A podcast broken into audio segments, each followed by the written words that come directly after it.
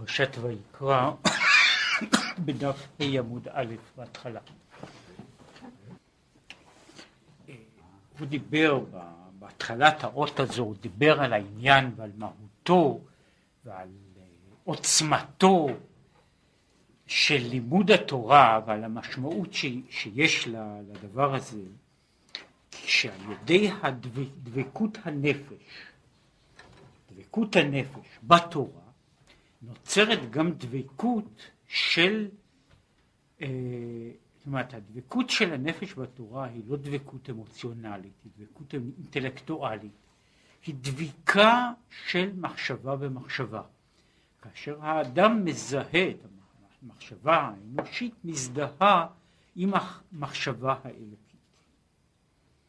עכשיו, על ידי זה הוא מגיע לביטול של נפשו אל מול האלוקי, לפחות במידה, במידה הזו, ומתוך כך הוא מגיע עד להמשכה של אה, המהות של בחינת אינסוף שלמעלה מכל ההגדרות. עכשיו כאן יש הערה קטנה של הצמח צדק, כי ביטול היש מעורר מאוד למעלה. זאת אומרת, הדבר הזה, וזה זה במובן מסוים זוהי אה, כמעט אה, נאמר, החידה. מה אה, חידה שאין לה פתרון חד משמעי, אבל היא, היא אחת החידות, מה יכול האדם לתת לקדוש ברוך הוא? כמו שמישהו ביטא את זה, הוא אומר, אחרי שהקדוש ברוך הוא אומר, כי לי הכסף ולי הזהב, והוא אומר שלי, אה, שאנחנו, כפי שאנחנו אומרים, לך השם הגדולה והגבורה והתפארת. אם כן, כאשר אני נותן לו את הכסף, או את גדולתי, או את כוחי, או את עוצמתי, אני בעצם מרגיש, וזה כך מבוטא, דווקא אומנם בספר דברי הימים, אבל ידי, ידי דוד המלך, ושם יש ביטוי מאוד אה, מאוד אה, מעניין ש... כי משלך נתנו לך. משלך נתנו לך. זו בעצם הבעיה או הבעייתיות של כל העניין של הנתינה. כשאני נותן לקדוש ברוך הוא משהו, אני בעצם נותן לו משלו. כן? אני נותן לו, מה שהוא נתן לי, את זה אני מחזיר לו. אני מתנהג יפה ואני לא מתנהג כחזיר, יש כאלה שנותנים להם ואינם מחזירים כלום. אם כן, יש, יש תיאור מאוד מאוד יפה, הוא אומר, האדם, אה, הקדוש ברוך הוא נותן לאדם אה, אה, כך וכך, הוא מגדל את התבואה שלו וכך הלאה, והאדם אחר כך מחזיר לקדוש ברוך הוא איזשהו סכום, כן, זה יפה מאוד מצידו, כן, יש כאלה שלא עושים את זה, אבל השאלה היא בעצם, מהו אותו דבר שה, שהאדם יכול לתת לקדוש? יש, אם, אם יש כאן איזה ערך או יחס או, או התייחסות של, לא נאמר תמורה, אבל של, של נתינה וקבלה, מה יכול האדם לתת? עכשיו, במובנים, והשאלה הזו נשאלת בהרבה מאוד צורות, שם שיש צורה אחרת ששואלים את השאלה הזו, מה שווה, מהו בעל ערך אצל הקדוש ברוך הוא? מה, מה, הדבר שהוא שווה, שהוא יקר בעיניו? ובסופו של דבר, בסופו של דבר, התשובה היא שהדבר היחידי שהאדם יכול לתת, שהוא נתינה שלו, כן, הוא שהוא נותן את האני שלו. והוא נותן את האני שלו לא במובן הזה שאני נותן משהו משלי, אלא ברגע שאני מבטל את הדבר שהוא מבחינת הגדרתו איננו שייך לקדוש ברוך הוא. כיוון שאני מגדיר את עצמי, את האני שלי, כאחר, כזר אל, אל הקדוש ברוך הוא, ואני מוכן לוותר עליו במידה גדולה או במידה קטנה, זוהי בעצם נתינה של ממש. מפני שכל שאר הדברים הם שייכים לו. הדבר היחידי שאני, שהוא בעצם הגדרתו איננו שייך. זאתי התפיסה, העניות שלי, הרגשת האני שלי. ולכן מה שהוא אומר פה, שביטול היש מעורר מאוד למעלה. משום שזוהי הנתינה שהיא באמת הנתינה הנחשבת. זה האדם יכול לתת, והקדוש ברוך הוא אומר, הנה האדם נתן עכשיו משהו שבמובן מסוים כל צבא מרום איננו יכול לתת. צבא מרום איננו יכול לתת מפני שאין לו את זה. אין לו את, ה, את הדבר הזה. זאת אומרת, לנו יש, זה אולי דבר, אולי דבר מגונה, אבל בנו נמצא העניין הזה של הרגשתנו כהוויה עצמית. ונתינתה של ההוויה הזו, זוהי בעצם ההקרבה. כן? וזה בהרבה מאוד, אפשר, אפשר לתת לזה משלים ודימויים וסיפורים אה, כמה, ש, כמה שארצה, אבל ב, ב, במובן, במובן הזה זה פשוט. האדון הגדול, שהוא אדון הכל, כן? במובן מסוים הכל שייך לו. מלבד אותו תחום שבו הוא איננו מתערב, וזהו התחום של הכרת, עצ... הכרת, ההכרה העצמית שלי. ובאותו תחום זהו הדבר שבו אותו אני יכול לתת. זאת אומרת, אני יכול לתת, אני מוותר לא על כך וכך, אלא אני מוותר על היש שלי, על הרגשתי שאני הציר והמרכז, הסוד והיסוד של כל המציאות. עכשיו, כשאני נותן את זה, אני נתתי דבר שיש לו, שיש לו ערך, משום שאי אפשר למצוא אותו בגנזים מתחת לכיסא הכבוד. ולכן, ביטול זה של הנפש וחוכמה, בינה ודעת שלה, ולבושיה שהם מחשבה ודיבור, שהם מתבטלים בעסק התורה, וכפי שהוא אומר, הביטול בעסק התורה הוא ביטול כפול. יש ביטול שהוא נובע מעצם העניין שאני לומד דבר מה. אומרת, ברגע שאני לומד דבר, אני קורא דבר, אפילו כשאני מקשיב לאדם אחר, אינני יכול להקשיב בשלימות בלי להתבטל. לפחות ל... לקטע אחד של זמן, משום שכל זמן שאני מדבר אינני יכול לשמוע, כל זמן שאני מלא בעצמי אינני יכול לראות. כשאני מנסה להבין דבר, פירושו של דבר שאני מבטל את ההוויה שלי אל מול הוויה אחרת, אל מול מחשבה אחרת. וכפי שאמרתי, הביטול הזה יכול להיות מאוד ארעי ולא משמעותי, אבל אני מבטל אותו לפי שעה. זאת אומרת, ברגע הזה אני אומר, טוב, אני עכשיו רוצה לשמוע מה אתה אומר. כן? זהו ביטול חלקי מאוד. יש ביטול שהוא של ההתעסקות של ה... הוויית האדם שנבנית ונכנסת, מתכנסת בדבר, זהו דבר, דבר עמוק יותר. עכשיו, הביטול לגבי התורה נובע בין השאר גם מזה שהאדם מראש מוכן לקבל על עצמו, משום ש... וכאן זו נקודה שהוא עוד ידבר בה, שהביטול לגבי התורה הוא לא רק ביטול אינטלקטואלי, כלומר, הביטול שאני רוצה לברר מה מהותו של דבר מסוים, אלא גם הביטול שאני מוכן לקבל את התורה כתורה. שזהו סוג אחר ועמוק יותר של ביטול. זאת אומרת, אני מוכן לקבל את התורה כהוראה. זהו בעצם העניין, המהות של, של נעשה ונשמע, שהיא עומדת, וכאן היא עומדת בהבדל, ופעמים בה בניגוד של אה, אה, מה שאני קורא. אני רוצה לומר שהביטול הזה של נעשה ונשמע, הביטול הזה של נעשה ונשמע הוא לא דבר כל כך נדיר. אנשים חושבים שאין ביטול כזה, כן, במציאות. האמת היא שמישהו שפותח קופסה, כן, למשל של מכונת כביסה, כן, ויש שם בפנים הוא מוצא הוא מוצא פתק של הוראות. כן? וכשהוא פותח את הפתק הזה עם ההוראות שבו, והוא מתחיל ללמוד אותו, כל אחד לפי שיעור הדיליי, והוא לומד אותו לא סתם, אלא הוא לומד אותו מתוך נכונות גמורה לקיים את כל מה שכתוב בפתק הזה. לכן אני אומר שהעניין הזה שאנשים חושבים שההתבטלות בגדר של לימוד התורה היא דבר שהוא בשמיים, הוא איננו בשמיים.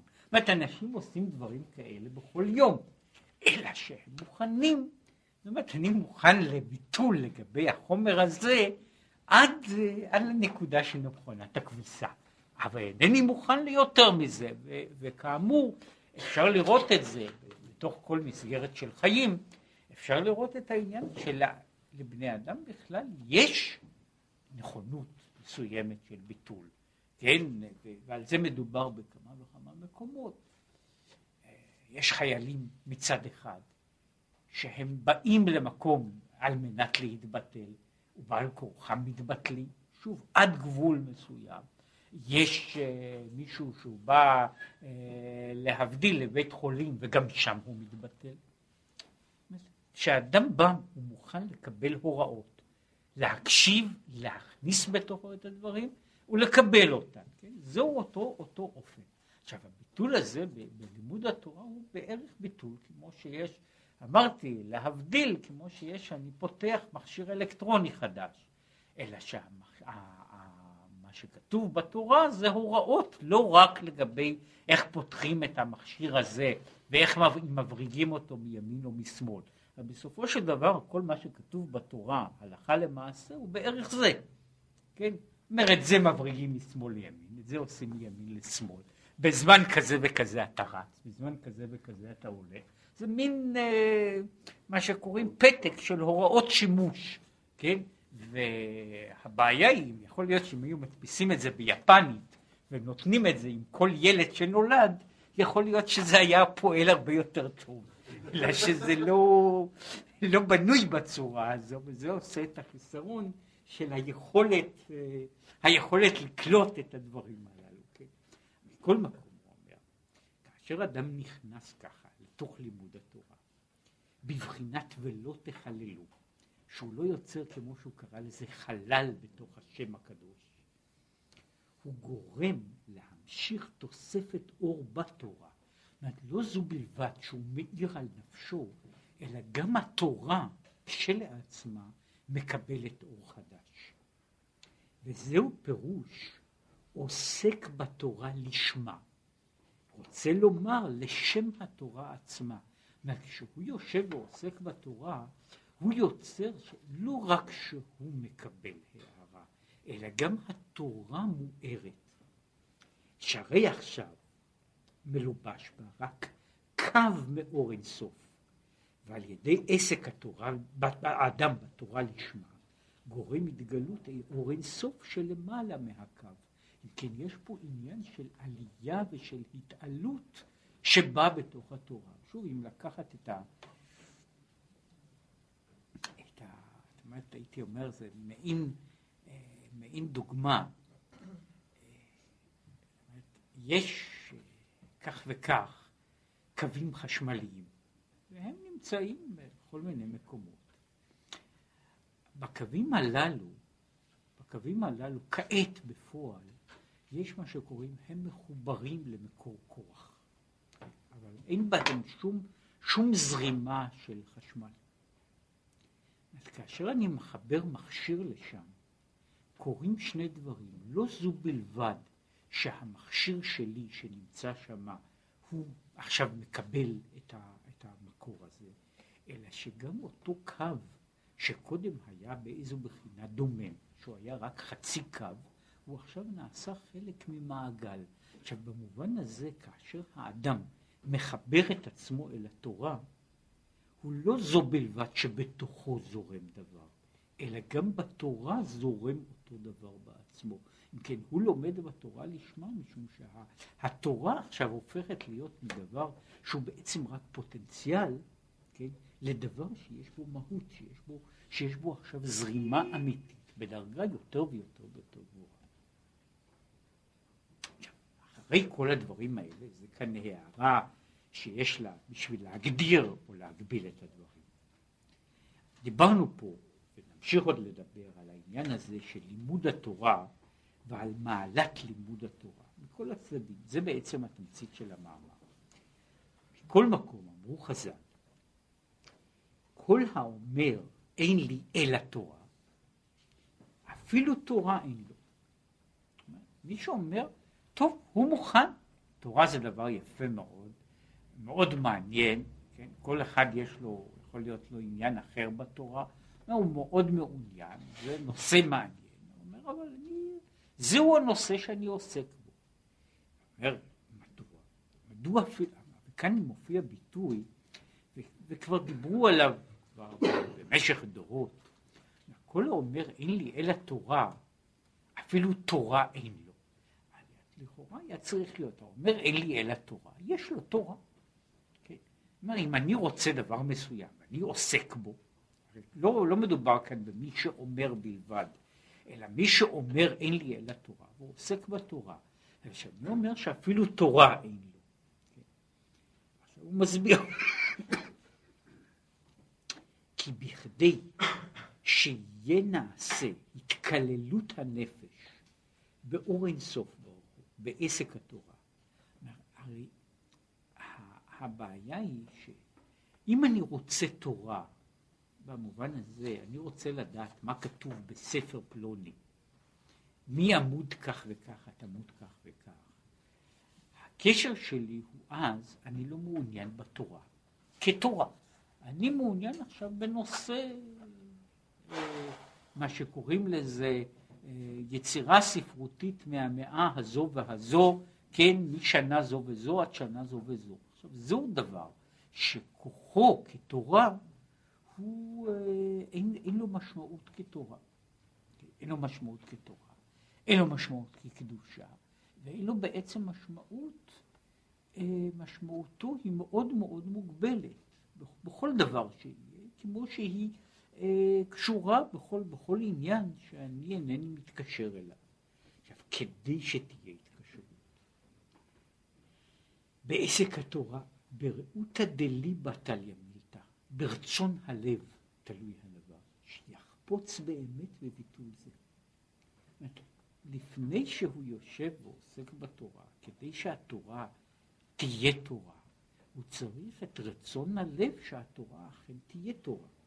זאת הוא צריך את רצון הלב, רעותא דליבה, שיחפוץ להתבטל אל התורה. ואיך מגיעים לזה? על ידי קדימת קריאת שמע ותפילה. וכמו שכתב האריזל, שבקריאת שמע מה שצריך האדם לכוון הוא למסור נפשו באחד. זה, זוהי הכוונה של של הפסוק של שמע ישראל, הכוונה היא שצריך אדם לכוון שהוא מוסר את נפשו באחד. עכשיו יש פה הערה, לכאורה, הרי מסירות נפש הוא באומרו ובכל נפשך. בעצם זה איננו הקטע של מסירות נפש. הקטע של מסירות הנפש הוא הקטע הבא. כאמור, אה, אהבת את השם אלוקיך בכל לבבך. ובכל נפשך, זהו אפילו נוטל את נפשך. זהו, זהו מסירות נפש. הוא מסביר בעניין הזה, אלא כי עניין מסירות נפשו באחד, היינו הביטול של עצמיות נפש האלוקית שלמעלה מהשכל. יש, יש פה שתי דרגות של ביטול. הדרגה האחת, שהיא למסור נפשו באחד, היא כוללת, היא במובן אחד יותר מופשטת, יותר, אולי יותר רחוקה, אבל היא מגיעה עד לקצה האחרון, למסור נפשו באחד, זאת אומרת לאחד את נפשו, לבטל את נפשו בכל דרגה שהיא, אל מול האחד האלוקי. והעניין הזה פירושו הש... הביטול, הוויתור הגמור לא רק על ענייני עולם הזה, כן? אלא זהו ויתור של, של האדם על ה... במובן אחד על כל מהות של, עצמי, של העצמי שלו. מה שקורה במקום אחר, שזה כמובן פה לא עניינו, הוא קורא לזה מה שהוא קורא, אומר שזה באחד, האדם צריך להגיע לביטול במציאות. ואילו בכל נפשך יש שם ביטול היש. עכשיו, ביטול במציאות פירושו של דבר שהוא ביטול גמור לא של צורות מסוימות, אלא של התחושה, תחושת האני בכלל. כמו שהוא אמר במאמר הקודם,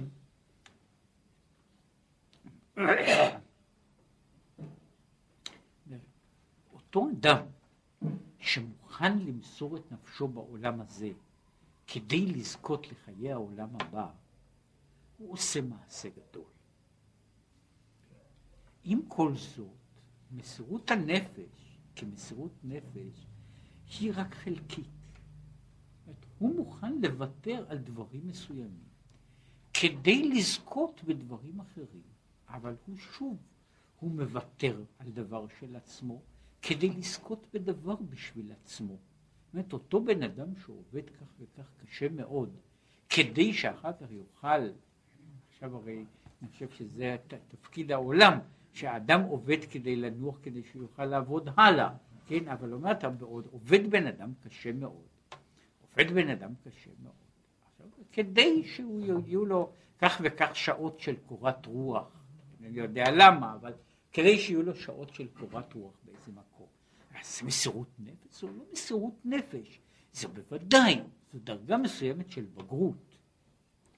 שאדם מסוגל לוותר על הנאה מיידית שעומדת כעת כרגע לפניו, בשביל לעשות דבר לזמן אחר. אותו אדם שעובד קשה כדי לחסוך כסף לצורך אה, אומרת, הוא רוצה דווקא לבקר בפרו, כן, והוא רוצה לחסוך מכספו, זהו סוג מסוים של ויתור על הנעת הרגע למען אה, דבר שיהיה לעתיד לבוא. עכשיו, בצד הזה, אם כי זה לא באותו אופן, לא באותה דרגה, הוויתור על העולם הזה למען העולם הבא, הוא, אף הוא, יכול להיות בדרגה הזו. אדם, אלא הוא דורש, וזה חלק מהעניין, וזה, על זה הוא מדבר הרבה מאוד, זהו סוג מסוים שאפשר לקרוא לו של בגרות הנפש. בלי ספק שבגרות הנפש היא בנויה מפעם לפעם על האפשרות להחליף דברים אה, ניכרים, מוחשיים, ידיים, בדברים יותר ויותר מופשטים. כן? כשהרמב"ם דרך משל מדבר על המתודה של, המתודה כיצד מביאים ילד ללמוד תורה. והוא אומר, כשהוא קטן מאוד, אני מבטיח לו סוכריה. כשהוא גדול יותר, אני מבטיח לו בגד חדש. כשהוא גדול יותר, אני מבטיח לו כסף. כשהוא עוד יותר גדול, אני מבטיח לו כבוד. אחר כך הוא אומר, בסופו של דבר הוא יוותר על כל ההבלים. כן? עכשיו, ההבדל הוא, וזה בלי ספק חלק מההבדל של הגידול, ודאי, יש דברים שהם בגיל מסוים, הם, ה, הם הממשות, הם הממלאים את העולם שלי. כשאני גדל, אני מגיע לתפיסה יותר מופשטת, שהיא לא בהכרח יותר קדושה, אבל פשוט יותר מופשטת של דברים. אני נהנה לא רק מהנאה מיידית ראשונית, אלא מהנאות אחרות, כן? וכך עוברים הדברים הלאה והלאה, עד ש, שאנשים יכולים לעשות דברים בשביל uh, הנאות מאוד מאוד מופשטות. עכשיו, זהו חלק של חינוך, זהו חלק של חינוך, זהו חלק של, במובן מסוים, של, של בגרות ידועה של, ה, של האדם, שהוא אה, צד אחד של הדבר. תהליך, תהליך גידול, ותהליך הגידול הזה הוא מעמיד ערכים, ערכים שבדרך כלל הם נעשים ערכים יותר ויותר מופשטים. בדרך כלל הם נעשים ערכים יותר מופשטים. אה, לדוגמה, לדוגמה בעלמא, למרות שהדברים אינם פשוטים, אפילו דבר שהוא בוודאי לא תאווה מכובדת, כמו שאנשים להוטים אחרי כסף, היא במובן מסוים בכל זאת שייכת לדרגה ידועה של הפשטה. משום שכסף איננו, איננו, איננו דבר מיידי. אינני יכול, לא שמעתי, יכול, רק מעבר לסיפורים, שאפשר לשחד כלב על ידי כסף. כן? מדוע? אז זה לא מפני שהכלב הוא, הוא נאמר הוא קדוש יותר, אלא שאי אפשר לשחד אותו בכסף, משום שהוא לא יכול, הוא לא יכול להגיע להעריך את, ה, את הערך הזה. התפיסה שלו מגיעה עד לכך וכך קילוגרם כבד. זה, זה גבול ההשגה שלו. עכשיו, זה שיכול להשיג דבר מופשט כמו כסף, שהוא בלי ספק מופשט, כן? ושיש אנשים שהם שקועים בזה הרבה מעבר לעניין של איזשהו ערך המרה, זאת אומרת שהוא אחר כך יחליף את זה וישתמש בזה לאיזשהו צורך, אלא זה נעשה רצון, צורך, תשוקה בפני עצמה. עכשיו, כל הדברים הללו הם סוג ידוע של הפשטה. עכשיו, הפשטה זה עדיין לא קדושה, היא חלק של uh, תהליך גידול מסוים. עכשיו, כמו שהוא אומר פה, מה, יש תהליכים שבהם האדם עובר מעבר לדבר כמו כסף או כבוד. גם כשהוא עובר לחיי העולם הבא, עם כל רוחניותם והפשטתם, נשאר עדיין חלק של אני רוצה משהו. כן? אני מחליף מה שקוראים לזה, שכתוב, אה, זה, זה אומרים, ב, יש בנוסח הסליחות, אומרים דבר כאין זה, שבן אדם מבקש סליחה ובקשה ותשובה, שהוא החליף עולם עומד בעולם עובר. כן? עולם קיים בעולם עובר. בסדר, נכון, אמת. כן, יש עולם קיים, העולם, העולם נצחי, ויש עולם ארעי זמני. וכשאדם יושב ועוסק ברווחים קטנים בעולם הזה, הוא מפסיד עולם, אה, עולם נצחי. הדבר הזה הוא עדיין איננו מסירות נפש בשלמותה. הוא מעבר, הוא דרגה יותר גבוהה, אבל הוא עדיין נקודת מעבר.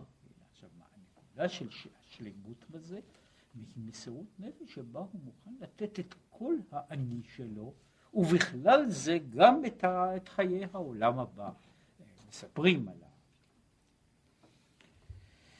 על המחבר של הספר הזה, ששמעו אותו פעם, ככה מדבר בתוך התפילה, מריבונו של עולם, אני לא רוצה את הגן עדן שלך, אני לא רוצה את העולם הבא שלך, אני רוצה רק אותך בלבד.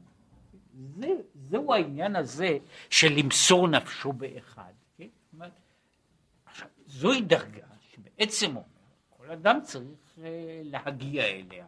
זה שלא כל אדם מגיע אליה זה עניין של, אה, כמו הרבה דברים אחרים, יש כך וכך ילדים מפגרים בעולם, כן? ובכל תחום. עכשיו, עניין מסירות נפש, דבכל נפשך, נפשך. היינו שגם הנפש הבעמית תסכים לזה. הנפש האלוקית אולי מוכנה להגיע לדבקות. הנפש הבעמית צריכה גם כן להסכים לזה. על ידי, הוא אומר, ואיך היא מסכימה לזה? בבחינת התקפיה, בבחינת התהפכה, והיינו על ידי התבוננות. כן?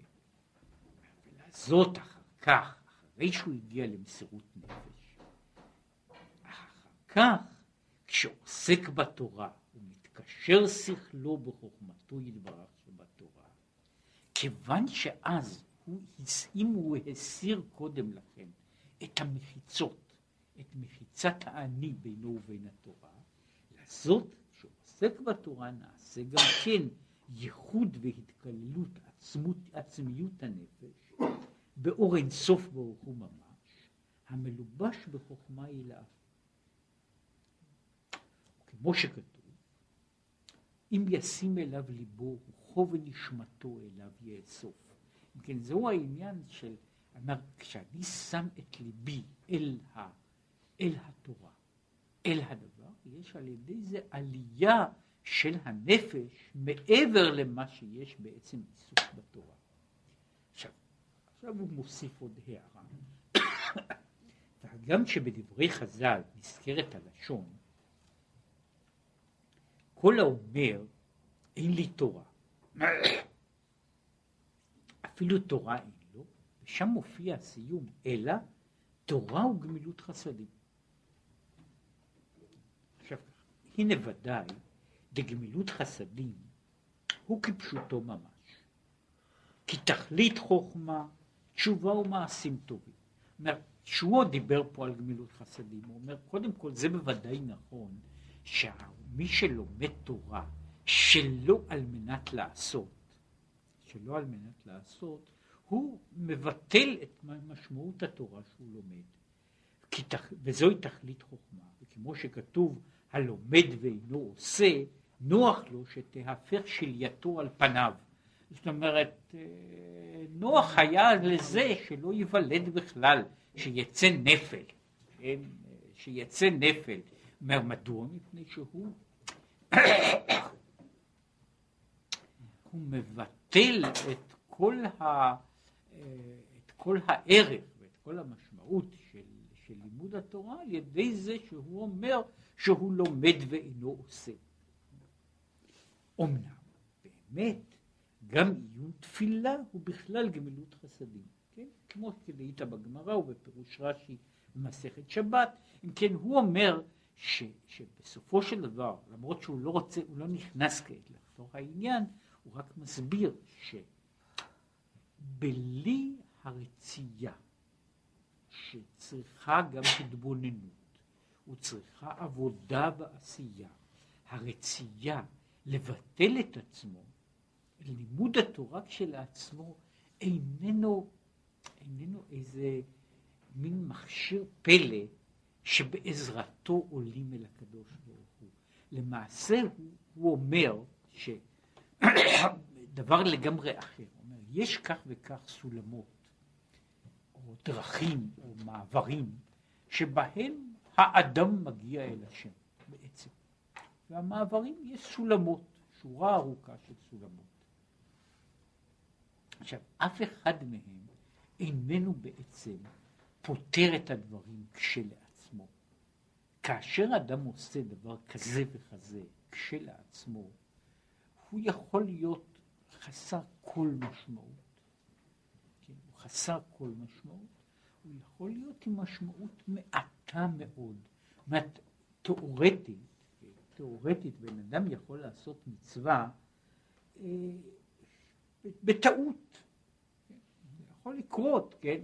אה, נתאר לעצמנו שמישהו שבר יד ורגל, כן? והוא שומר שבת כהלכתה, לא מפני שהוא שומר שבת, אלא פשוט יש לו שתי רגליים שבורות, שתי ידיים שבורות, עכשיו ילך ויחלל שבת. כן? אומרת, עכשיו, האיש הזה אי אפשר לקרוא לו, שמה שאמרו היום בפרשה, כן, שומר שבת מחללו, כן, וכולי וכולי, זה לא בדיוק האיש שנקרא שומר שבת מחללו. כן, נכון שהוא לא חילל שבת, אבל אי אפשר לייחס לזה קדושה בעצם העובדה. עכשיו זה יכול לקרות גם שבן אדם יזדמן לו לאכול סעודה שלישית בשבת, בטעות גמורה, כן? עכשיו, חלק מהעניין, וזה, וזה קשור לעניין אחר, אבל זה באמת רק, רק כהערה, כהשלמה,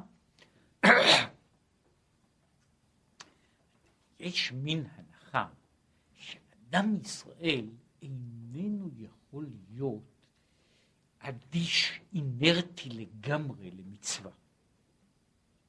זו, זוהי הנחה בתחום אחר, שהאדם איננו יכול להיות אינרטי באופן כזה שלא נוגע שום דבר, ידי זה שהוא מקיים את המצווה, נאמר בדרגה נמוכה שביותר, זאת אומרת בדרגת תודעה נמוכה ביותר, זה עדיין מזעזע איזשהו דבר בנפשו, במודע או שלא במודע. זאת אומרת, אני אומר שיש משהו, יש ה, הנפש של אדם ישראל לא יכולה להיות מתה עד כדי כך שלא יהיה איזשהו, איזושהי נקודה של, של זעזוע כלשהו, שיכול להיות הרבה מתחת לסף, לסף התודעה. זאת אומרת, הוא יכול להיות בדרגה כזו שהאדם איננו יודע איננו יודע אם הוא עושה מצווה או עושה עבירה, אבל עדיין זה לא יהיה לגמרי ניטרלי. כן? אבל עצם העניין, שוב לחזור לזה, עצם העניין הזה שהמעשה נעשה, הוא איננו מפתח סודי להגיע לעולם עליון. זאת אומרת, אם, אם להעמיד את זה באופן אחד, באופן יותר מופשט. אחת הבעיות שיש, עוסקים בהן, קצת אנתרופולוגים עוסקים בזה הרבה, פילוסופים עוסקים בזה פחות אולי. זה בכלל מה ההגדרה, מה ההבדל בין דת וכישוף. בכל מיני אופנים. ויש כך וכך הגדרות. אחד האופנים של ההגדרה, הגדרה בסיסית, הוא שכישוף הוא לגמרי מכני. זאת הוא מכני מפני ש... על מה עומד כישוף? כישוף עומד על זה בערך, במובן מסוים גם תפיסתו העקרונית היא כזו. כישוף עומד על אותה תפיסה שיש למדעי הטבע, ואין בינו למדעי הטבע אלא שאין דוקטורים לכישוף כעת. כן? זאת ואילו היו דוקטורים כאלה, אז הוא היה מקבל מעמד בדיוק באותו אופן. כן? אה, אם מישהו פעם ראה באוניברסיטה ניסיון שמנסים לפעמים להדגים ניסיון ניסוי לדוגמה, כמה פעמים הניסויים האלה נכשלים, אז יכול להיות שדוקטורים לכישוף היו מצליחים לא פחות להדגים את ההצלחה שלהם. עכשיו, מהי הנקודה? הנקודה בעצם היא שאני מניח, גם בכישוף וגם בכל תחום אחר שהוא יוצא בזה, שהפעולה היא לגמרי מכנית. אני אעשה כך וכך, או לחילופין אומר כך וכך דברים, ועל ידי זה יתרחש מאורע. כן? זאת אומרת, הפעולה שאני פועל היא פעולה מכניסטית גמורה. כן? וזה לא משנה, מבחינה זו ההנחה שאני נאמר מבטא כך וכך ביטויים, כן? כך וכך השוואות, או כך וכך דברים אחרים, אומרת, היא, היא רק שאלה אם התחום הזה הוא רלוונטי או לא רלוונטי. הנה, יושבים אנשים שהם אה, במקצוע שלהם הם פסיכולוגים, וההבדל ביניהם לבין אלה שאומרים אה, לחשים והשוואות הוא רק הבדל של, אה, של מה שקוראים, אה, של איזה, באיזה בית ספר הם למדו, כן? זאת אומרת, יש כאלה שלמדו בבית ספר אחד ושם אומרים אה, לחשים כאלה, כן? יש ה... מה שקוראים ה, הלחישות המועילות לאותו, למחלה הזו, לעין הרע, או, ל, או, ללשון, לקנאה, לשנאה, לתסביכים, יש לשון כזו וכזו, יש, יש לשונות אצל, אצל נאמר מישהו פרוידיאני, יש לו, יש לו השבעות, השבעות השדים בנוסח אחד, מישהו יונגיאני, יש לו השבעות שדים בנוסח אחר. עכשיו, יש אנשים שהולכים, אה, נמצאים במקום אחר. משמיעים שדים אחרים, ולשדים יש אולי שמות אחרים, יש טכניקות קצת שונות. אבל בעצם מה שאני רוצה לומר זה לא, לא לגבי הביזוי של הדבר, אלא להסביר שכישוף במהותו, בין שהוא פועל ובין שאיננו פועל, זה כאן לא משנה לעניין הזה, הוא בנוי על תפיסה שהיא כמעט מכנית. זאת אומרת, הוא בנוי על זה שאם אני אשתמש בפורמולות הנכונות, אני אשים את העשבים הנכונים, אני אעשה דברים נכונים. הדבר יפעל, כן? והוא לא משנה מי עושה אותו, או מה עושה אותו, כן? הסיפור של, של, של השד שיוצא ממנורת הקסמים, הוא בעצם עומד על אותו דבר כמו, ש, כמו שאני עומד, זאת אומרת, המנורה הזו עובדת כמו שנאמר עובד רובה. מי שילחץ על ההדק, הרובה יענה לו. הרובה איננו, איננו שואל מי לוחץ על ההדק, אלא אני צריך לעשות פעולות מסוימות ומגיע לתגובה מסוימת. עכשיו, זה נכון לגבי כל ההגדרה של כישוף בכל הדרגות שלה, ויש לזה דרגות מעל דרגות. ההבדל מבחינה זו, ההבדל בנקודה של דת הוא שכאן אנחנו עומדים על, בעצם על עולם אחר. אני אומר שאדם יכול לעשות את הפעולות הללו. והפעולות הללו לא תחשבנה או לא תיראנה. זאת אומרת, הפעולה המכנית לבד, יש לה, יכול להיות שהיא, שהיא הכרחית, אבל היא לא מספיקה. הפעולה המכנית היא לא מספיקה כדי ליצור את הדבר. וכאן צריך לבנות, כאן יש העניין של הקשר ביני ובין הקדוש ברוך הוא, וכאשר אין קשר כזה, אומרת, אז העובדה שהפעולה המכנית הזו נעשתה, היא אז לא משנה כלל את העניין. או, כמו שאמרתי, וזו, וזה בעצם ההנחה, אומרת, יכול להיות שאני יכול להגיד שיש איזושהי תגובה לא מודעת למעשה שנעשה, אבל אם אין תגובה בכלל, כן, וזו התפיסה הפשוטה, מדוע אני מדבר על העניין הזה של במתים חופשי. שהמת פטור מכל המצוות. ברגע שהוא מת, כן? אומרת, אז מה שעושים לגוף שלו הוא לא מעלה ולא מוריד. אומרת, הפעולה, אין פה מין קסם כזה, שאני שם על גוף, אני שם דבר כזה וכזה, אני מקבל תגובה. התגובה הזו קשורה באדם מסוים, בחיים שלו, בהתייחסותו אל הדברים. עכשיו, מכאן מגיע העניין הזה של, של התורה. זאת התורה איננה סוד. כן? שמי שיושב ופותח את הספר ומבין את העניין הזה והזה, הוא פתר את הבעיה. זאת אומרת, זה לא סוד כמו מישהו שצריך לפתור פתרון של מבוך. ששם השאלה מה היו כוונותיי, ואם עשיתי את זה בטעות או שלא בטעות, היא לא רלוונטית. מפני ששם אני צריך לפתור, אני אומר, יש תחומים שיכולים להיות אינטלקטואליים, שגם הם אותה, יש אותה דרישה. אני צריך לעבור כך וכך שלבים. עברתי אותם, אני הגעתי, לת... אני מגיע לתשובה נכונה או למהלך נכון. בין שכוונתי לזה, בין שאין כוונתי לזה, בין שאני מכבד את הנושא שאני עוסק בו, בין שאני בז לו, אני יכול להגיע לכך וכך מסקנות. עכשיו, כשאני עוסק בלימוד התורה, אומר, זה, היא לא פועלת בלי שהאדם תהיה לו את הכנה של מהי ההכנה? זו, זו לא הכנה של, של, של מה שקוראים של טכניקה, זוהי הכנה של הנכונות, זאת אומרת, הוא רוצה, הוא יושב ועוסק בתורה, שהוא רוצה להידבק בקדוש ברוך הוא. זאת אומרת, זוהי ההכנה שמראש, מה שהוא קרא לזה למסור נפשו באחד. והוא קורא אותו דבר, הוא לא רק רוצה להידבק בקדוש ברוך הוא, אלא הוא מקבל את התורה, וזה חלק, החלק האחר של הביטוי, הוא מקבל אותה כדבר שהוא רוצה לא רק לעסוק בו עד לנקודה ממקום זה עד מקום זה, אלא אני רוצה ליישם אותו. כן? זהו חלק מהעניין, היכולת או הרצון ליישם את הדברים הללו, זהו חלק שקובע את המשמעות של, ה, את המשמעות של הלימוד. ולולא זה, אז לא נוצר קונטקט. אז אומרת, אז נעשית עוד פעולה מכנית אחת, שהיא כשלעצמה, היא לא עושה שום קסם. עד כאן דיברנו על, על העניין של לימוד התורה בכלל.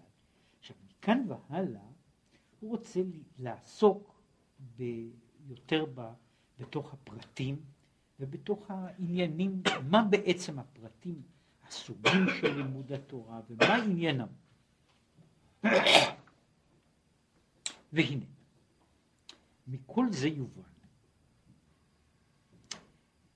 שמעלה ומדרגה זו שבעסק התורה, מה? ששכל האדם העוסק בתורה מתקשר ומתאחד בחוכמתו יתברך. זאת אומרת, עכשיו, מהי הפעולה, מהי העשייה של לימוד התורה? זאת אומרת, מהו מעשה לימוד התורה? מעשה לימוד התורה הוא אמנם לא מעשה חומרי, אבל הוא פעולה מאוד מאוד מוגדרת מבחינה, מבחינה, מבחינה של, של הווייתה. היא לא דבר כלשהו, אלא הוא דבר מוגדר. הוא התאחדות של השכל שלי עם השכל של התורה, שנעשה על ידי זה שאני לומד ושאני מבין. מה שחשוב פה הוא האיחוד הזה נעשה עמוק יותר ומשמעותי יותר ככל שאני מבין יותר. אם אני מבין רק למחצה, אני מאוחד רק למחצה. ככל שאני מבין יותר, מיותר צדדים, מיותר, ביותר אופנים, ביותר, ביותר, ביותר דרכים, פירושו של דבר שהאיחוד שלי נעשה, נעשה שלם יותר, עמוק יותר, כן? ובצד הזה אה, יש, אה, יש, יש מדרגות מעבר למדרגות שהן קשורות, וכמה כמה אני יכול להגיע להתאחדות, אבל היא בנויה על זה שלפחות מצידי אני ממצה את, את הנקודות, נקודות יכולת ההשגה שלי. ועל ידי זה, אומר, נכלל עצמיות הנפש באור אינסוף המלובש בחוכמתו יתברך. זאת אומרת, יש בצד הזה, אה, זה קורה כמו, כמו שיש במפתחות מסובכים. יש, יש מפתחות מסובכים שבהם חלק מהמפתח צריך לזוז כדי למלא חלל בתוך המנעול.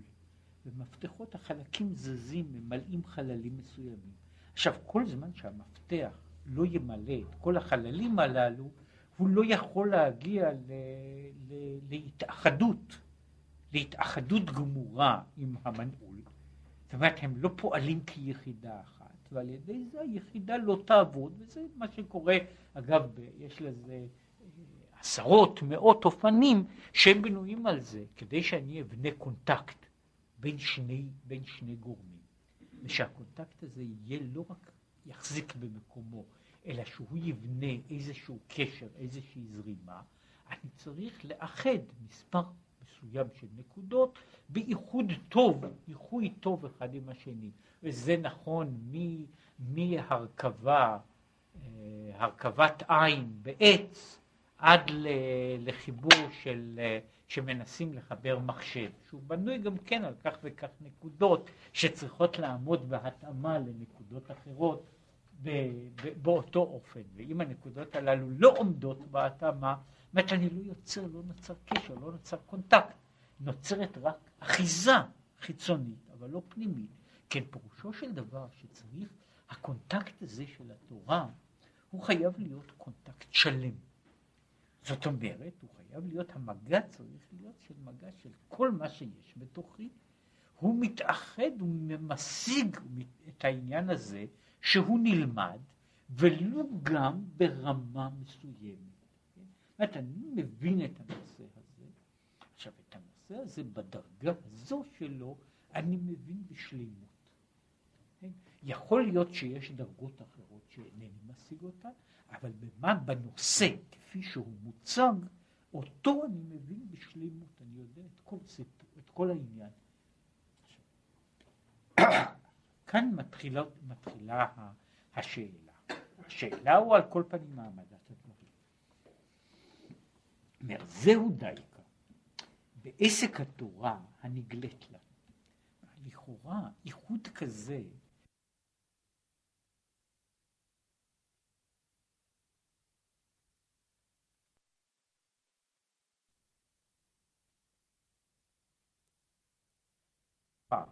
שנמצא למשל בשישה סדרי משנה, או בגמרא, או בשולחן ערוך, הוא עוסק כולו באובייקטים שהם מכל מקום שייכים לעולם העשייה.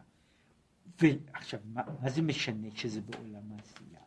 אני רוצה לומר שחוכמתו יתברך, שבאצילות, שבתוכה אור אינסוף ברוך הוא, נסעה וירדה עד שנתלבשה בדברים גשמיים.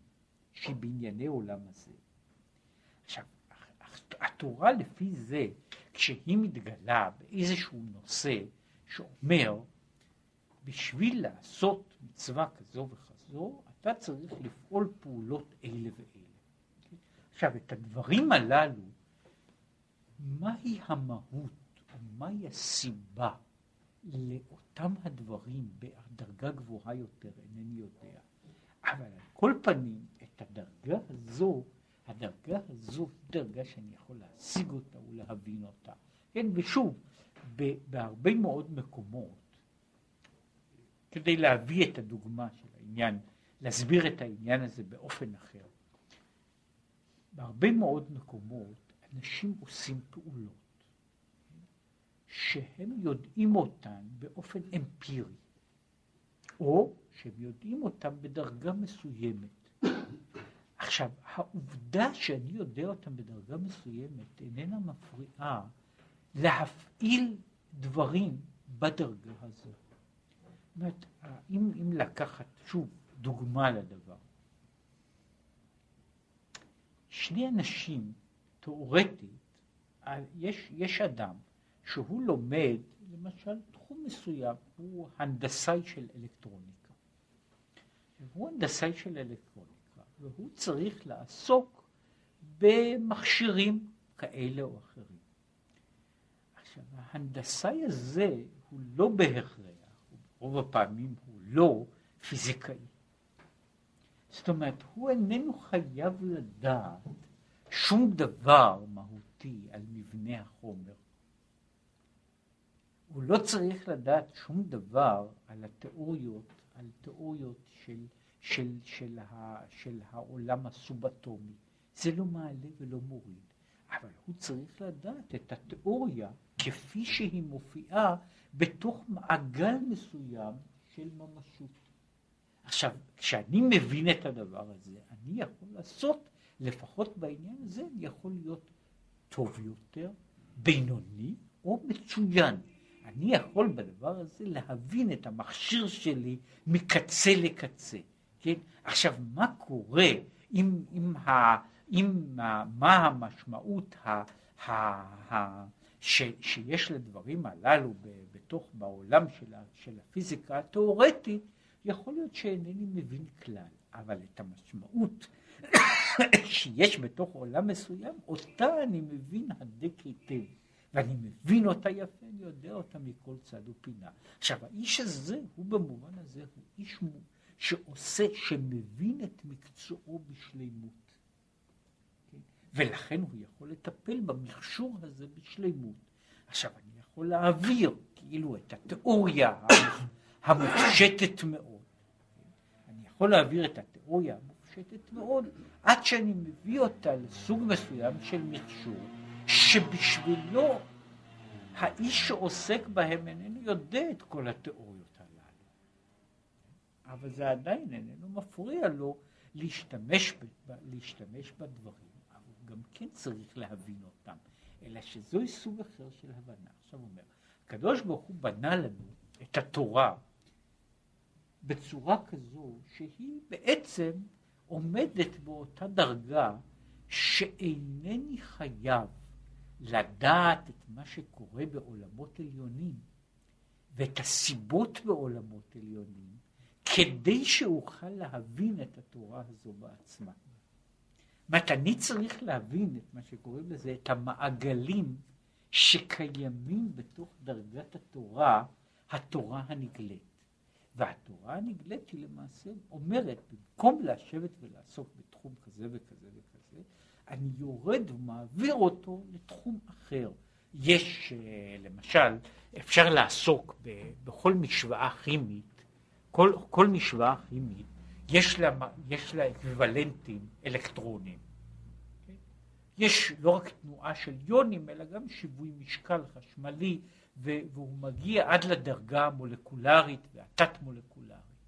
עכשיו, אני יכול גם לבנות משוואות טובות מאוד בכימיה, בלי שיהיה לי מושג על מה שקורה מבחינה, מבחינה חשמלית. זאת אומרת, המשוואה, אני יכול לבנות, להרכיב חומרים, להבין מה שאני עושה, לבנות את התיאוריה, לחשב את כל הכמויות. מדוע? מפני שלדבר הזה, למשמעות, הנאמר, המולקולרית או האלקטרונית של הדברים, יש גם מקבילה בעולם פשוט יותר, שהוא עולם של חומרים שבו אני עוסק במולקולות שלמות וביחסים ביניהם ואני לא צריך להזדקק לדברים אחרים.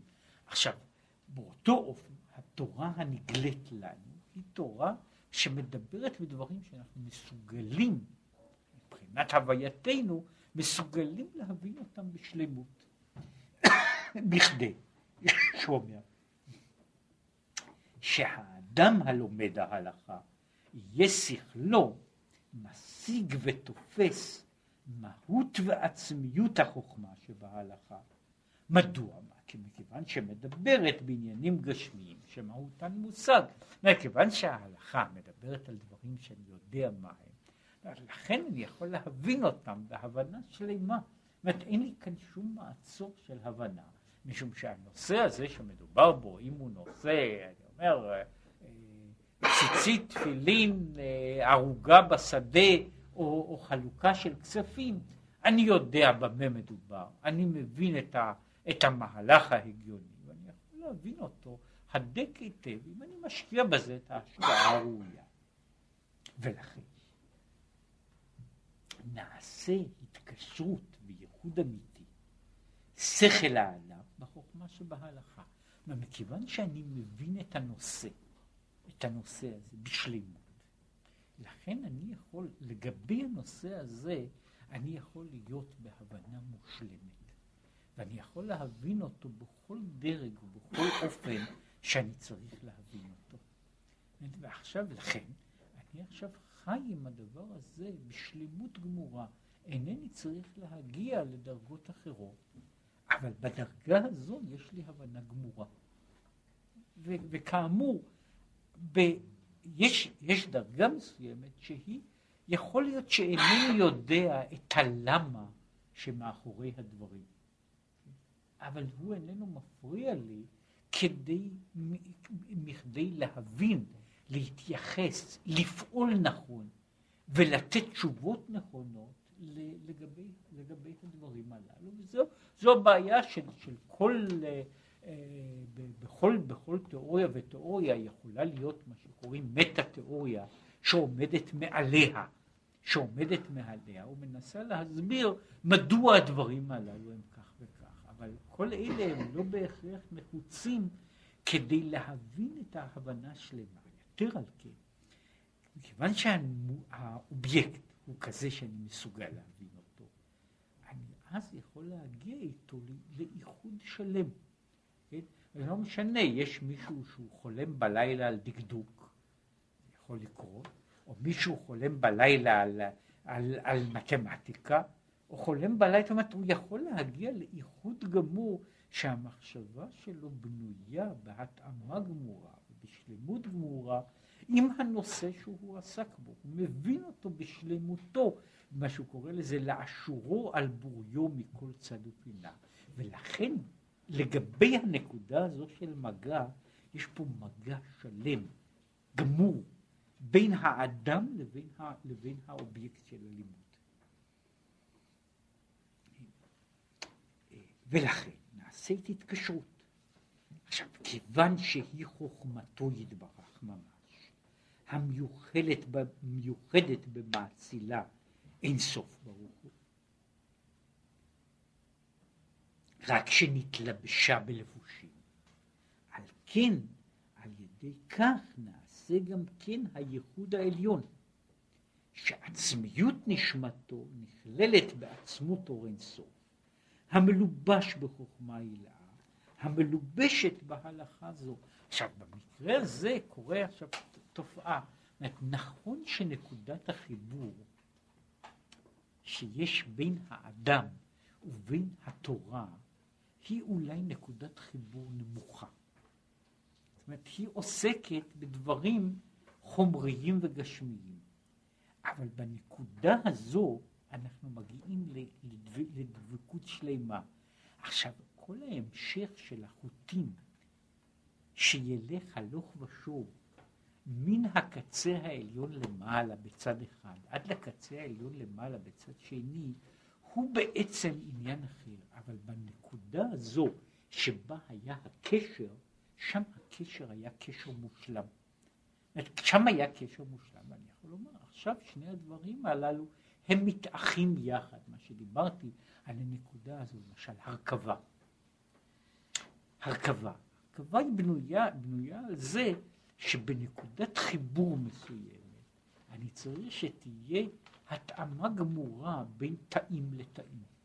מה שיקרה הלאה, איך העץ כולו יגיב לעניין הזה, זאת שאלה שאני אינני נזקק לטפל בה. אני נזקק לעשות את החיבור שלי חיבור מושלם. כשאני מנסה לחבר שני קווים של חשמל, של מים, של דבר אחר, אני צריך בנקודה של החיבור, אני צריך שהחיבור יהיה מושלם. עכשיו, מה שקורה עד למקור הראשון, כן, מה קורה שאני מחבר את, ה, את החוט שלי, כן, ומה קורה עד למקור הראשון של, ה, של הזרם, זה איננו תלוי, איננו חשוב כעת ברגע הזה. כיוון שיצרתי חיבור שהוא שלם ו- ו- וגמור, הוא כבר, כל השאר כבר ימשיך לעבוד בעצמו. עכשיו, וזה מה שהוא אומר, כשאדם מתאחד עם התורה, אמנם נפשו איננה משיגה את כל זה, אבל הוא מבין עכשיו את הנקודה הזו שבה הוא עסק, כן? שור שנגח את הפרה, הוא יודע יפה מה זה שור, הוא יודע מה זה פרה, הוא יכול לצייר בה, לעצמו איך שור נוגח פרה. אז זהו דבר שאני יכול לצייר לעצמי. עכשיו כאן אני רק רוצה אה, להעמיד את, כמו שהוא מעמיד פה את השאלה,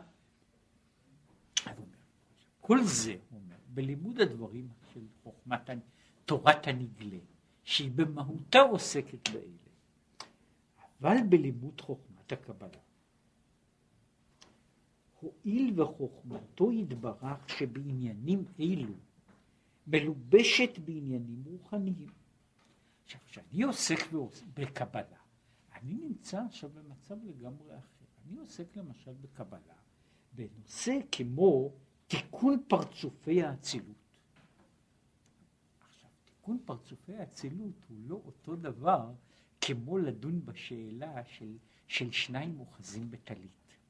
מפני ששניים אוחזים בטלית, אני יכול לבנות תיאור שלם גמור של המצב, של הבעיה, של, של, כל, של הסיטואציה, וממילא גם להבין את ההנמקות. כשאני עוסק בתיקון פרצופי האצילות, אינני יודע על מה אני מדבר. וכיוצא בזה, או בבריאה, יצירה, עשייה, בבריאת צרפים וחיות, נשמות ומלאכים, גן העדן העליון וגן העדן התחתון. אלה דברים יפים מאוד. אומר, אבל אני לא יודע על מה אני מדבר. אומר, הרי שהאדם הלומד, מה לא? בא אדם ולומד את הדברים הללו, שהם, דהיינו, ידיעת סדר ההשתלשלות שבעץ חיים. כן? והוא לומד ספר, ספר קבלה, אומרים, הקלאסי האחרון, לומד עץ חיים, ושם הוא לומד על העולמות, מעולם זה משתלשל עולם כזה, מעולם זה משתלשל עולם כזה, ויש יהודים שלומדים את הדברים הללו, כן? עכשיו, הוא לומד את כל, את כל אלה, אבל הוא אומר, הרי בעצם אין יד שכלו משיג מהות חוכמה זו. אתה אומר, נכון שאני יכול ללמוד את המילים, כן? אני יכול ללמוד כמה מהדרכים, מהמילים ששייכות בתוך העניין הזה, ואני יכול ללמוד מה, מה קורה איפה. אבל האדם איננו משיג. מדוע? ששכל האדם אינו משיג המהות רק בעשייה. השגה של המהות, כלומר של, ה, של האובייקטים שאני עוסק בהם, אני יכול להשיג בעולם העשייה. זהו העולם שבו יש לנו השגה ישירה. ולכן כשאני מדבר על שולחן וכיסא, על כלב וחתול, כן, על, על, על, על העץ ועל, ועל, ועל, ועל, ועל הגרעין. אלה הם דברים שאני מבין אותם. אני מבין אותם, משיג אותם. ומשום כך אני יכול, אני יודע במה אני מדבר. ולכן מה שאני מדבר, האופרציות שאני עושה בהן, הן משמעותיות בשבילי. אומר, אבל ברוחניות, אבל אין האדם יכול להשיג מהות הרוחניות.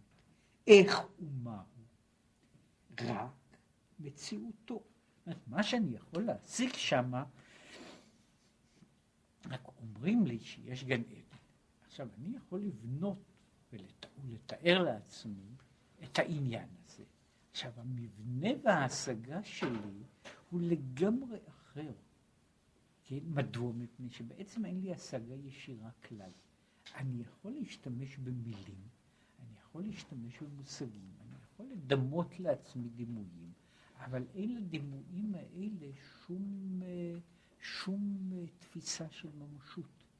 מבחינה זו, וכאן ההבדל, אם הייתי מתאר לי גן עדן, שהוא בנוי על זה שיש כך וכך עצים, בגודל כזה וכזה, כן, אה, סיפרו פעם על מישהו שהיה, שהיה אני חושב, היה מבני ברית, זאת אומרת, משלנו, כן? היה אחד מהאחים הקומיקאים היהודים, האחים מרקס, כן, שהוא היה פעם בסיאנס, בסיאנס ספיריטואליסטי, כן, והופיע נפש של מישהו, של איזה מת, כן, ו... וכולם היו מאוד נרגשים ושאלו כל מיני שאלות, שאלות גדולות, שאלות קטנות, והשאלה שהוא שאל היה, מה האורך שלך בכנפיים מקצה אחד של הכנף לקצה השני? עכשיו, מה שאני רוצה לומר, שבעצם בצד מסוים, וזה נכון, אם להעמיד, זאת אומרת, העמדה הזו, שכאילו של בדיחה, היא גם מעמידה את העניין, יש, יש אופנים שונים. כשאני שואל על איזשהו דבר, נקרא לזה, על החוט של הציצית, הוא דבר שאני יכול לכמת אותו. זאת אומרת, אני יכול לתת לו כמות. הוא כך וכך סנטימטרים, הוא עשוי מצמר כזה וכזה. הצמר הזה עשוי מכבשים, אני יכול לבנות אותו, להבין, אני מבין על מה אני מדבר. כשאני מדבר על נשמות ועל מלאכים, כן, על גן עדן עליון, אמרתי, אם אני הייתי יכול, יכול לומר שיש בו כך וכך עצים, שלושה מיני תפוזים, שלושה מיני קלמנטינות, כן, הפירות הם בגודל כזה וכזה, אז היה פשוט, אבל אז זה לא היה גן עדן, כן, אומרת, כאן אני נמצא, הפיתוי הגדול, שכל מיני מקומות, לבנות גן עדן, שיראה, שיהיה לו תיאור כזה, הוא בא מתוך חוסר היכולת להתמודד עם דברים שאני לא יכול, אני לא יכול לקלוט אותם אלא כמושגים מופשטים. ברגע שאני עוסק, שמישהו יושב וחושב על, על התיאור בקוראן של גן העדן, כן?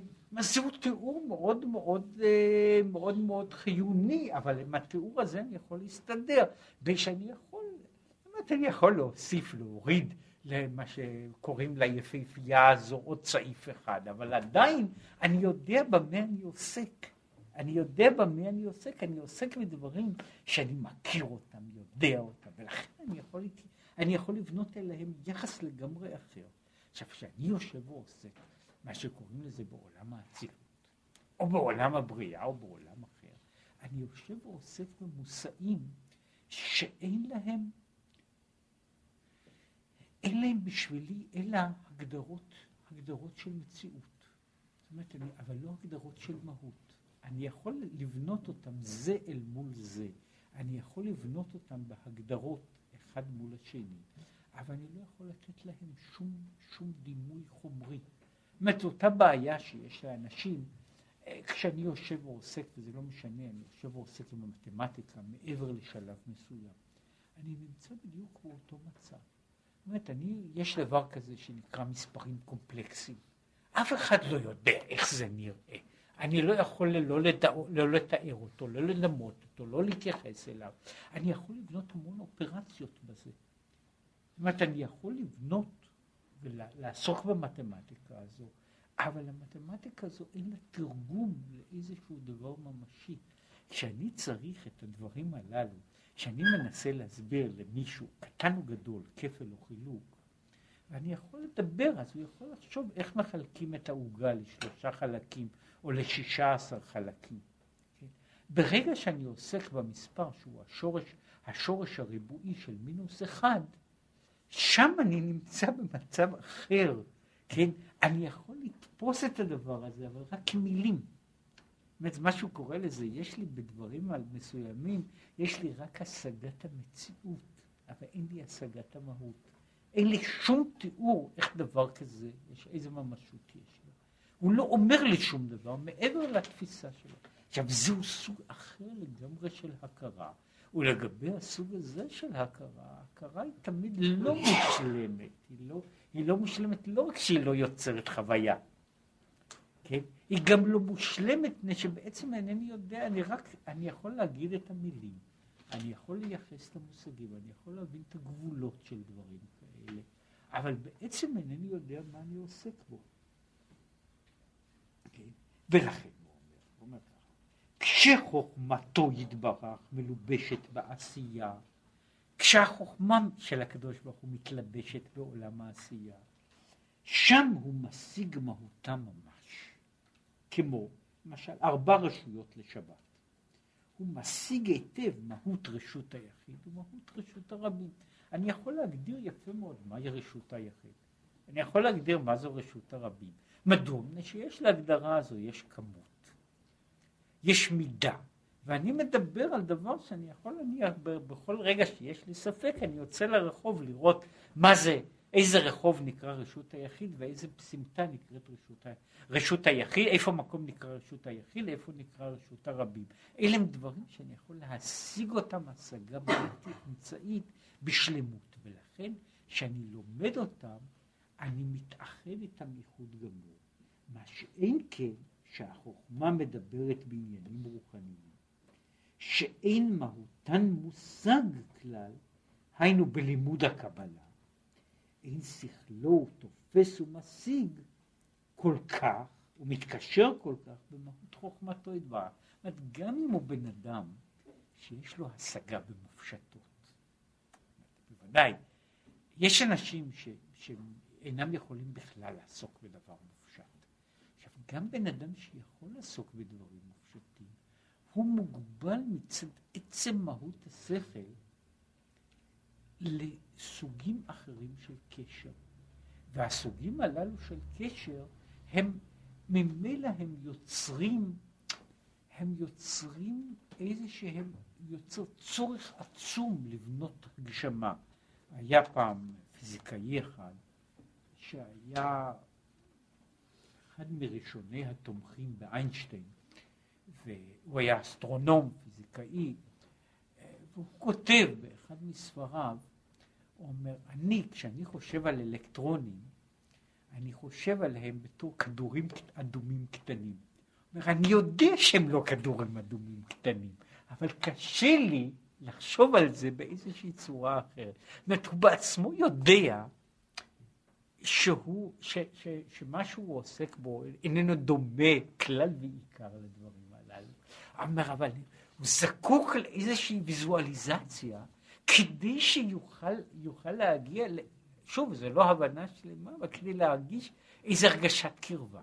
עכשיו, ככל שאדם עוסק בדברים מופשטים, בלי שום ויזואליזציה, אז זה יוצר, יוצר חוסר יכולת לא להבין שום דבר, אבל להבין אותה הבנה שיוצרת את ההתקשרות העמוקה,